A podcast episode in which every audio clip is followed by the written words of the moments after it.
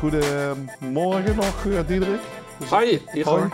We zitten hier bij het Erasmus MC. En ehm, wij hebben natuurlijk eh, 16 november het Mobile Healthcare Event. En ik wil jij daar eh, even wat vragen over stellen en even een interview houden. En jij houdt zoals bekend van zeilen. Wat is eigenlijk jouw mooiste zeilervaring geweest? Mm, nou, die gaat denk ik dan toch wel heel lang terug. Toen ik nog, ehm, ik weet eigenlijk niet meer precies hoe oud was, maar toen gingen we met mijn vader en moeder en mijn broer zeilen. En toen zijn we een keer overgestoken naar Engeland en dat was toen heel spannend. Ehm, en toen waren we bij het eiland White, gingen we weer terug. We moesten weer terug naar huis toe en dat was ochtends vroeg, want je moet dan echt rekening houden met de tij. En ik zat alleen buiten, de rest was nog een beetje slaperig en nog een beetje binnen aan het rommelen. Het was ook niet heel harde wind. En ineens komt er van de Falkland-eiland kwam er zo'n onderzeeboot naar boven met een haaienbek erop. Ik, man, mijn hart stond stil. Hoe ver was die voor je vandaan dan? Ja, voor mijn gevoel zat hij naast me. Maar die, nou ja, die gasten waren natuurlijk gewoon aan, aan het... eh, nou ja, ik denk dat ze ons wilden verrassen. Die hadden natuurlijk ons echt wel gezien. Maar, maar dat, dat, dat momentum, dat vergeet ik eigenlijk nooit meer. Dat kan ik me heel voorstellen. Ja, dat is een once in a lifetime. En wat zijn de parallellen daarin wat, wat betreft zeilen met de zorg in het algemeen en dat voor een zorgprofessional in het bijzonder? Nou, kijk, zeilen, eh, je, je bent bezig met de wind en, en, en het weer. Dus je let heel erg veel meer op de wolken, de wind, verandert het en dergelijke. Dus je houdt heel goed de omgeving in de gaten. Want je moet eigenlijk zorgen voor veiligheid. Hè? Met, met, voor jezelf of met de mensen met wie je aan het zeilen bent. En, en dat zijn allerlei externe factoren. Dat is eigenlijk ook met de zorg. Hè? Je, je wil iets goeds doen voor die patiënt, maar er zitten allerlei factoren omheen. En die moet je allemaal coördineren. En, dat, en, en je wil echt topzorg leveren en die veiligheid voor die patiënt. En dat, en dat is wel is een prettige ehm, spanning. En hoe meer ervaring hebt, wordt het makkelijker. En dat zie je ook bij zeilen. Ehm, dus die, dat spanningsveld, dat, dat, nou ja, dat voelt ook wel lekker eigenlijk, dat het, dat het ergens om gaat. Ja, en als je niet solo zeilt en je zeilt met een team, dan is natuurlijk samenwerking ook cruciaal en vertrouwen in elkaar. Ja, dat is een hele goeie. Dat absoluut. En, en je moet van elkaar op aankunnen. Hè? Van, van jij bent daar verantwoordelijk voor en dat. En dat doen we natuurlijk hier in, de, in het Erasmus ook heel duidelijk. Hè? We doen echt met een team leveren we die zorg. Hè? De chirurg doet de moeilijke operatie, maar na operatie, als er dan onverhoopt een complicatie is, ben je met een team bezig. Maar hè, dagelijks op de werkvloer is het de arts met de verpleegkundige en alle andere betrokkenen. Hè, fysiotherapeut, diëtisten. Dus het is echt teamwork. En in hoeverre wordt er bij zeilen ook die digitalisering ingezegd en gebruik gemaakt van data? Nou ik, ik, ik heb een oude zeilboot en ik heb me daar niet zoveel geïnvesteerd. Maar het is niet meer te vergelijken dan met vroeger. Vroeger, toen ik in mijn jeugd nog ging, hadden we kaarten liggen. Moest je het uitzetten en allemaal keurig opschrijven. Tegenwoordig is, heb je die digitale plotters. Heb je veel meer techniek. Je krijgt veel meer informatie. En als je kijkt hè, naar die races, met, hè, als ze de hele wereld omzeilen, dan gaat het natuurlijk over data. En weten ze ook precies al die data van die boot, wanneer die het snelste vaart, enzovoort, enzovoort. Dus al het spannings, hè, er zitten sensoren in de mast, of er niet te veel spanning op staat of op de stagen. Want het laatste wat je wilt doen in een race is je mast overboord zeilen. Want continu moet je de limieten op, opzoeken en dat doen ze met data. Ja, dan kan ik me ook voorstellen dat dat een passie maakt. Want sinds januari ben je natuurlijk eh thema lead Human Centered Technology en AI for Health, om het in mooi Nederlands te zeggen, eh, binnen het Erasmus. Kun jij aangeven wat er in die tien maanden dat je dat nu bent, wat er eh, op die afdeling is gebeurd? Nou kijk, dit is eigenlijk een functie die vooral te maken heeft hoe we de samenwerking tussen drie grote universiteiten, dat is het Erasmus MC als medisch centrum, maar ook de UR, met, met daar heel veel kennis over ehm, eh, kosten, maar ook eigenlijk over gezondheidszorg, een beetje meer hoog over. En heb je experts in de TU Delft. En, en dat samen, dat breng je eigenlijk hiermee samen en coördineer je hoe je daar samenwerkingen kunt vinden en onderzoek kunt doen. En een van de dingen die hieruit voortgekomen is dat we een AI Ethiek Lab hebben opgezet afgelopen jaar. En daar staan we nu aan de vooravond om jonge mensen aan te nemen om PhD te gaan doen, zodat we echt meer kennis kunnen opbouwen om als je AI straks in de toekomst gaat toepassen op de werkvloer, wat zijn dan belangrijke aspecten waar je rekening mee moet houden? Ja, het is dus nu vooral de taak om te bouwen aan een knowledge base. Ja, absoluut, absoluut. En je ziet die interactie en die kennis. Hè, er zit heel veel kennis in de UR, heel veel kennis in de TU Delft. En wij hebben hier natuurlijk patiëntenzorg. En we willen die technische innovaties en AI-models straks gaan toepassen op de werkvloer. Ons helpen in de besluitvorming. En daar staan we natuurlijk nog aan de vooravond van. We hebben nu hele kleine pilot AI-modellen, maar dat is nog in een onderzoeksfase. Maar je hebt al die kennis nodig om die echte stappen te gaan maken. En wat is jouw vraag aan de markt? Waar kan de markt jou mee helpen daarin? Nou, wat je merkt is dat we mm, dat er eigenlijk al best wel veel kennis is in de markt. Er zijn heel veel bedrijven. Vaak bijvoorbeeld op de financiële markt hebben ze al hele grote stappen gemaakt over betrouwbaarheid van data, data-uitwisseling. als je nu ergens je bankpas in het buitenland gebruikt, wordt het van jouw rekening afgeschreven. Helaas misschien. Um, maar die, die samenwerking, dat zoeken we eigenlijk ook in de gezondheidszorg. En wat ik merk is dat, wat we in de COVID niet zo goed gedaan hebben. Wij denken altijd in de gezondheidszorg, geef nou maar geld, dan lossen we het op. Maar je moet eigenlijk je deuren openzetten. En dat vind ik nu mooi met deze, ik noem het toch wel een nieuwe tak van sport. Um, hoe je eigenlijk versnellingen kunt doen. En, en Waar we last van hebben is de financieringsmodel in de gezondheidszorg. Maar je wil eigenlijk samen met het bedrijfsleven kleine stapjes maken, zodat er voor beide kanten het mogelijk is. Om daarna zeg maar sneller te kunnen opschalen of te kunnen verspreiden om te delen met andere instanties als het werkzaam is. En hoe ga je dan dat, uh, een beetje kritische vraag wellicht, maar hoe ga je dat not invented here syndroom tegen? Dat uh, zorginstelling X het al heeft. En dat jullie daarvan kunnen gebruik maken. Want dat is wel in de zorg natuurlijk een heel uh, breed gedragen iets. Het not invented hier syndroom dat dat speelt. Hoe kun je dat, tegen, hoe kun je dat volgens jou tegengaan?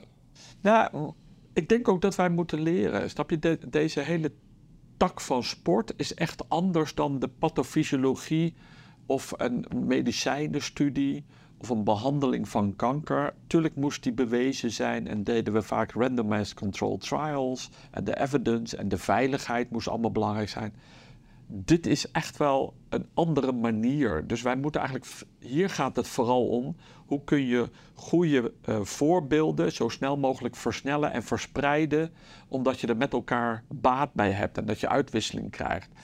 En, en je merkt dat, dat dat niet in onze genen zit omdat je hè, zo niet bent opgegroeid. Maar die stappen die moeten we gewoon met elkaar gaan maken. Ik denk echt dat je niet alle AI-modellen zelf moet gaan ontwikkelen en dan pas gaan toepassen. Als er een goed AI-model in Utrecht is, dan natuurlijk moeten wij die hier ook gebruiken. Um, maar daarvoor is wel heel belangrijk dat die basis op orde is. Je data, je uitwisseling van data.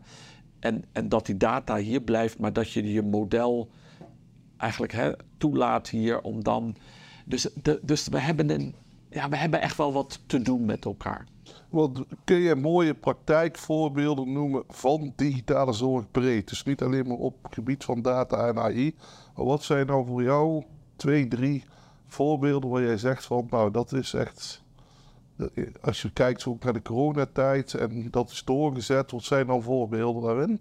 Nou, Kijk, bijvoorbeeld heel belangrijk is, uh, voor de corona mochten we geen poli doen op afstand. Hè? Dus uh, via Teams of andere. Uh, nou, dat is, heeft de COVID ons daarbij geholpen. Nou, daar is ook de, de, verzekeraars zijn daarbij aangehaakt. En je ziet nu dat een gedeelte van de polieafspraken gebeuren nu gewoon via, hè, via het internet.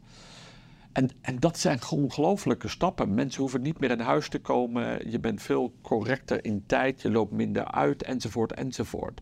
Dat vind ik ontzettend mooi. Je ziet ook door de COVID dat we bepaalde behandelingen hebben we in de thuissituatie georganiseerd.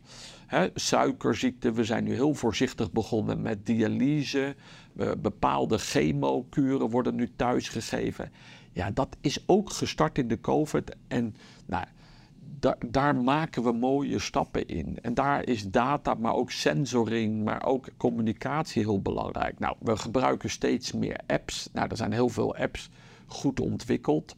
Um, maar waar we op zoek naar zijn, is hoe kunnen al die technieken ons helpen, zodat die verpleegkundigen waar we een tekort aan hebben, meer tijd voor is om de echte contact te hebben met hun patiënten. Want daar gaat het uit om. We moeten oppassen dat we het. Het gaat niet over efficiëntie en nog meer. Nee, het gaat erom dat we, wat we ook geleerd hebben van de uh, COVID, is dat we empathische zorg willen leveren. En dat de mens-mens interactie daar ongelooflijk belangrijk is. En daarom ben je ook verpleegkundige, dokter of ander zorgprofessional geworden. Ja, dus echt van naar die transformatie naar bemensbare zorg. Ja, ja heel duidelijk. Heel duidelijk. Want dat, dat, daar gaat het uiteindelijk om. Dus we moeten oppassen dat we het niet erin blijven hangen dat het allemaal efficiënter moet. Ik vind dat we de afgelopen tien jaar hebben we heel erg ingezet op efficiëntie. Maar nu wil je vooral je mensen behouden. Je wil dat die uitstroom stopt. Uh, en dat er werkplezier weer komt. En daarom is het, moet je ook echt met de mensen in contact. Waarom doe je dit werk? En waarom, wat vind je, waar word je blij van uh, in jouw werk? En daar moet er dan aandacht voor komen. En die andere dingen waar je minder blij wordt, dat moet als het ware geautomatiseerd of anders opgelost worden. Je noemde net al daarin uh, in een bijzin de bankaire sector. Van welke sector kan de zorg wat dat betreft veel leren? Als je daar die bemensbaarheid kijkt en naar die dienstverlening, dat dat toch gedigitaliseerd is. Kun je daar voorbeelden noemen van sectoren? Nou, kijk, in de bankenwereld, kijk, waarom ik de bankenwereld noem, is dat hè, zij moeten heel zorgvuldig omgaan met data. Dat mm. hebben wij natuurlijk ook met medische data. Daar, daar zitten we altijd, soort, hebben we het idee dat we in een kramp zitten, dat we daar met data daardoor geen stappen kunnen maken. Maar dat is niet zo, want dat doet de bankwereld ook. Ja. Wat belangrijk is, is dat de data die we opslaan, dat die betrouwbaar is, dat je die echt kunt gebruiken om straks in voorspelmodellen te gebruiken. Dat is heel belangrijk. En de uitwisseling zonder dat de privacy op straat komt te liggen. Hè. Dat, bedoel, dat soort voorwaarden zijn heel essentieel. Ja, veilig en secure dus. Ja. Kijk, als je dan naar kijkt naar de bankenwereld. Hè, de bankenwereld heeft stappen gemaakt om allerlei filialen te sluiten. En dat we veel meer digitaal doen. Daar moeten we natuurlijk wel oppassen dat je dan wel het contact met je klant behoudt. Nou, daar heeft de bankwereld denk ik echt stappen in gemaakt. Mm. En dat moeten we wel bewaken. Daar kunnen, dus al die. Kijk, sommige dingen lopen ze daarin vooruit. Maar je kunt ook kijken naar. Hè, we willen nooit dat we vergeleken worden met piloten. Hè, maar in de piloten is, is natuurlijk ook heel veel dingen geautomatiseerd met predictiemodellen, hulp.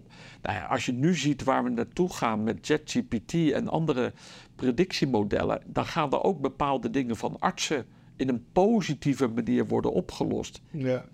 Gaan we dezelfde weg op als de piloten? Nee, niet precies dezelfde weg. Maar we moeten wel, wat daar aan ervaring is opgebouwd, moeten we niet afsluiten van ja, maar vliegen is heel iets anders dan geneeskunde. Nee, ik denk echt wel dat er overeenkomsten, maar niet voor 100%. Maar je kan wel heel goed van elkaar leren. Ja, interessant dat je die luchtvaartsector dan ook noemt. Um, wat dat betreft denk ik dan ook altijd aan Coolblue, wat ik dan ook een heel mooi voorbeeld vind van customer experience, waarbij ze ook data gebruiken, online versus offline. De, het cadeautje wat je krijgt als je iets bij Coolblue bestelt, de service die ze geven. Hoe denk je daar tegenaan? Uh, dat is eigenlijk waar je de menselijke behandelingen, de menselijke um, contact, dat is ook in een ziekenhuis zo belangrijk. Je mag echt wel verwachten als je hier in het academisch ziekenhuis dat je behandeling klopt. Maar dan wil je ook dat je aandacht krijgt, gesprek, eten moet goed zijn, uh, de bezoektijden, parkeren. Dus die zachtere kant, die in het verleden misschien niet zo aandacht kreeg, die zijn eigenlijk heel erg belangrijk. Mhm. En daar kunnen wij ook weer nou, leren van Coolblue of dat soort organisaties. En dat doen we ook. Hè. We zijn ook die richtingen ook echt wel ingegaan. Als je nu ziet hoe het, het nieuwe ziekenhuis, staat er alweer vijf jaar, maar wij, dat ziet er heel anders uit. Hè. Die passage met winkels, met studenten, het leeft veel meer. Dus we hebben ook echt wel mooie stappen al gemaakt. Ja, zeker, want ik kom hier vanmorgen ook binnen en ja, het is wel echt dat je ergens binnenkomt. Ja, maar het is niet meer een oud ziekenhuis. In het oude ziekenhuis dacht je van, wat is dit voor een ja, vervelende omgeving. Daar voelde je niet echt positief. Hè? Dat was een, ja, klinkt een beetje raar, maar een beetje dode bedoeling. Een beetje bedrukte sfeer. Terwijl hier zit volop leven eh, als je hier door de passage loopt. Ja, ik ben vroeger zelf patiënt geweest bij het Sophia Kinderziekenhuis in Rotterdam. Op het, in het Oude Noorden. Ja. Nou, dat is, dan herken je dit niet meer terug, zeg maar. Dus dat is wel interessant. Dat is, Dan kun je echt niet voorstellen hoe die zorg dan eigenlijk al getransformeerd is. Ehm, mijn laatste vraag. Waar hoop jij over vijf jaar te staan met, hu- met het Human Centered Technology en AI for Health? Nou, kijk, ik heb heel erg tegen mezelf gezegd. Ik wil heel graag die innovaties die er zijn, die technische ontwikkelingen, maar ook die predictiemodellen waar we het nu over hebben, die moeten over vijf jaar echt hier op de werkvloer zijn toegepast. Maar alleen als het eh, ge- geholpen heeft om de zorgprofessionals daarbij te helpen en dat het werkplezier, dat die mensen stralend over die afdeling lopen. Dat is mijn uitdaging. Maar dan wil ik best kritisch zijn of die werkprocessen zoals we ze nu doen, die zijn dan wat mij betreft totaal anders. En ik wil eigenlijk dat we nooit meer in de problemen komen, dat we altijd, als die zorgvraag stijgt, dat wij daaraan kunnen voldoen. Dus, en dat moet over vijf jaar echt eh, veranderd zijn. En je herkent het niet meer terug dan. Nou, interessant. We gaan daar 16 november natuurlijk eh, op het Mobile Healthcare Event eh, verder over spreken. En wij heten namens Diederik en mij jullie van harte welkom op het Mobile Healthcare Event 16 november. Ik kijk er naar uit. Ja, ik ook. Dankjewel en we zien elkaar 16 november.